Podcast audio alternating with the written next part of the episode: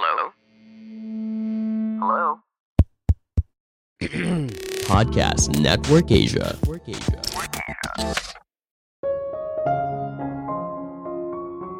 Banyak orang bilang jangan takut untuk gagal. Tapi untuk beberapa orang, kegagalan bukanlah sebuah opsi, tapi sebuah kemewahan yang hanya dimiliki segelintir orang.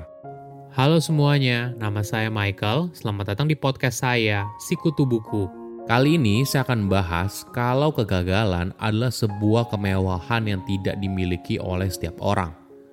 Kegagalan tentunya merupakan sesuatu yang penting. Banyak penemuan besar juga dimulai dari kegagalan. Kegagalan lalu diromantisasi sebagai sebuah proses yang harus dijalani. Namun yang luput dipahami, efek kegagalan itu berbeda bagi setiap orang. Orang yang punya safety net yang kuat tidak terlalu takut akan resiko kegagalan. Toh hidupnya juga tidak terganggu, ada kekayaan orang tua yang mendukung, tidak punya tanggungan hidup, dan sebagainya. Namun perlu digarisbawahi, bukan artinya saya menolak kegagalan. Kegagalan kadang terjadi tanpa bisa dihindari. Sungguh tidak mungkin menjalani hidup tanpa merasakan kegagalan sama sekali. Yang penting kita harus bisa belajar melihat segala sesuatu dari dua sisi yang berbeda.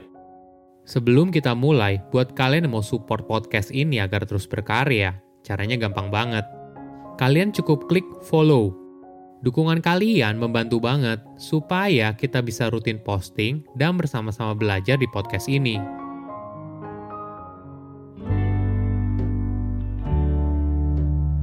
Kegagalan boleh dibilang menjadi sebuah tren selama 10 tahun terakhir.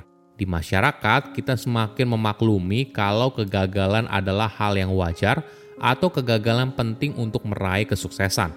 Tapi dalam proses untuk menormalisasi sebuah kegagalan, kadang kita lupa kalau efek kegagalan itu berbeda bagi setiap orang. Ada orang yang punya safety net, jadi ketika dirinya gagal, hidupnya tidak terlalu terpengaruh. Misalnya jika akhirnya gagal, toh masih bisa cari pekerjaan lain dengan mudah, atau punya orang tua yang masih bisa mendukung secara finansial, atau punya sumber kekayaan yang cukup sehingga bisa mendukung kehidupan selama menjalani proses yang beresiko. Bayangkan skenario ini, seseorang yang memutuskan untuk membuka bisnis restoran. Awalnya dia harus keluar modal, sewa tempat, peralatan, dan sebagainya. Ketika sudah buka dan enam bulan berjalan, ternyata restorannya tidak ramai dan terpaksa harus tutup. Biarpun begitu, dirinya masih bisa hidup nyaman, karena modal dari bisnis sebelumnya berasal dari orang tua. Inilah yang membuat privilege memiliki peran penting dalam menentukan siapa yang boleh gagal dan tidak. Bagi orang yang tidak punya safety net yang kuat atau hidup pas-pasan, tentunya harga sebuah kegagalan itu berbeda, jauh lebih tinggi dan beresiko. Alhasil, orang itu hanya bermain aman seumur hidupnya. Contoh lain misalnya, dosen yang bilang ke mahasiswanya kalau gagal itu nggak apa-apa. Tentunya niat dosennya tidak selamanya buruk, mungkin saja baik agar mahasiswanya tidak terlalu stres sehingga mereka bisa menikmati hidup selain kuliah. Tapi saran yang sama tidak bisa diaplikasikan ke semua mahasiswa. Bayangkan seorang mahasiswa yang menggantungkan masa depannya dengan beasiswa. Gagal dalam sebuah mata kuliah dan nilai semester yang rendah tentunya bukanlah sebuah opsi. Artinya ketika mereka gagal, maka resiko beasiswanya dicabut, maka pupuslah sudah masa depannya. Kegagalan adalah sebuah pengalaman yang tidak bisa dibeli dengan uang. Bahkan jika kamu menghabiskan uang untuk gagal dengan sengaja, maka kamu tidak benar-benar gagal. Kamu hanya berhasil dalam sebuah hobi yang mahal. Kita sering kali mengartikan kegagalan sebagai tidak adanya kesuksesan. Misalnya sebuah kutipan terkenal dari penemu tersohor Thomas Alva Edison. Saya tidak gagal 10.000 kali, Kutipan ini muncul ketika dirinya bereksperimen dalam membuat sebuah bola lampu. Mungkin perlu digarisbawahi, kalau yang dialami bukanlah kegagalan, tapi bisa dibilang error, kurang beruntung, atau garis awal yang salah. Ini yang boleh dibilang kalau kegagalan adalah sebuah konsep yang relatif untuk menggambarkan perasaan, situasi, dan kejadian tertentu. Bagi beberapa orang, kegagalan terasa seperti dunia yang runtuh tapi bagi orang lain, situasi yang sama justru dianggap sebagai lembaran yang baru. Selama beberapa tahun terakhir, boleh dibilang kita sering kali dibombardir oleh kekuatan dari sebuah kegagalan. Banyak cerita sukses yang dimulai dari kegagalan. Mungkin salah satunya adalah cerita soal produk perkat 3M gagal yang menjadi bahan utama salah satu produk paling populernya yaitu Post-it Note. Coba bayangkan skenario ini.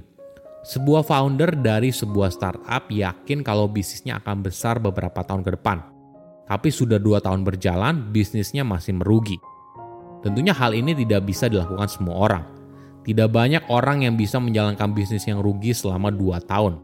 Apalagi dirinya tidak punya safety net yang kuat. Di Silicon Valley, para founder startup justru didorong untuk fail fast and fail often. Mereka didorong untuk gagal, dengan harapan berhasil membuat sebuah terobosan besar yang mengubah dunia – Orang yang berasal dari keluarga dengan pendapatan rendah punya fokus yang berbeda. Mereka tidak punya waktu untuk mencoba hal baru, berinovasi, dan sebagainya. Fokus mereka dihabiskan untuk mengejar pendidikan, dan setelah lulus, maka fokus mereka adalah mencari pekerjaan, bekerja keras hingga akhirnya bisa naik kelas. Berbeda dengan temannya yang berasal dari keluarga dengan tingkat ekonomi yang tinggi, mereka punya kemewahan untuk bisa menikmati hidup Mungkin temannya masih bisa menikmati masa indahnya menjadi mahasiswa, menjadi founder sebuah startup, membuka bisnis kecil-kecilan, dan sebagainya. Temannya bisa mengambil resiko dan terbuka akan kegagalan karena ada keluarga yang mendukung. Ini adalah kemewahan yang mayoritas orang tidak bisa nikmati. Jadi, apa yang bisa kita lakukan? Mungkin dalam gambaran yang lebih luas, kita perlu berkontribusi untuk menciptakan dunia yang lebih setara. Artinya mengurangi gap ketimpangan antara si kaya dan si miskin. Cara ampuhnya mungkin melalui pendidikan. Sehingga orang yang berasal dari kelas ekonomi rendah punya peluang untuk naik kelas. Tujuannya agar lebih banyak orang bisa berani untuk mengambil resiko karena keuntungan yang nantinya mungkin diperoleh lebih tinggi daripada konsekuensinya apabila gagal. Sehingga ketika mereka gagal, mereka bisa bilang, "Saya akan mencoba lagi lain kali." Tips lain yang menarik adalah menciptakan budaya kerja yang merangkul kegagalan. Ketika kesalahan dibuat, jangan selalu dipandang sebagai hal yang tabu, tapi perlu dilihat sebagai sebuah kesempatan untuk berinovasi, bertumbuh, dan menjadi lebih baik.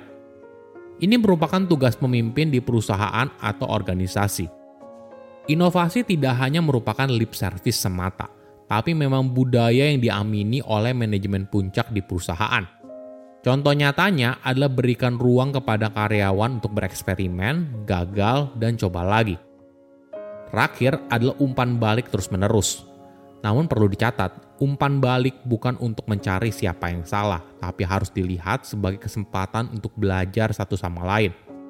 Pemimpin harus bisa menciptakan situasi yang aman bagi karyawan, sehingga ketika sesi umpan balik dilakukan, karyawan tersebut tidak bersikap defensif.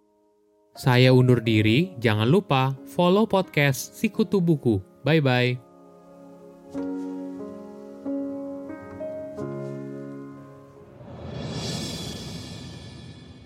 Hola, Valerie Patkar di sini. Gimana episode hari ini? Pasti seru banget. Jangan lupa juga untuk dengerin podcast Lover Session yang ngobrolin banyak banget tentang segala bentuk dan warna cinta lewat teman-teman fiksi kamu. Sampai jumpa di Lover Session! Pandangan dan opini yang disampaikan oleh kreator podcast, host, dan tamu tidak mencerminkan kebijakan resmi dan bagian dari podcast Network Asia. Setiap konten yang disampaikan mereka di dalam podcast adalah opini mereka sendiri dan tidak bermaksud untuk merugikan agama, grup etnik, perkumpulan, organisasi, perusahaan, perorangan, atau siapa pun dan apa pun.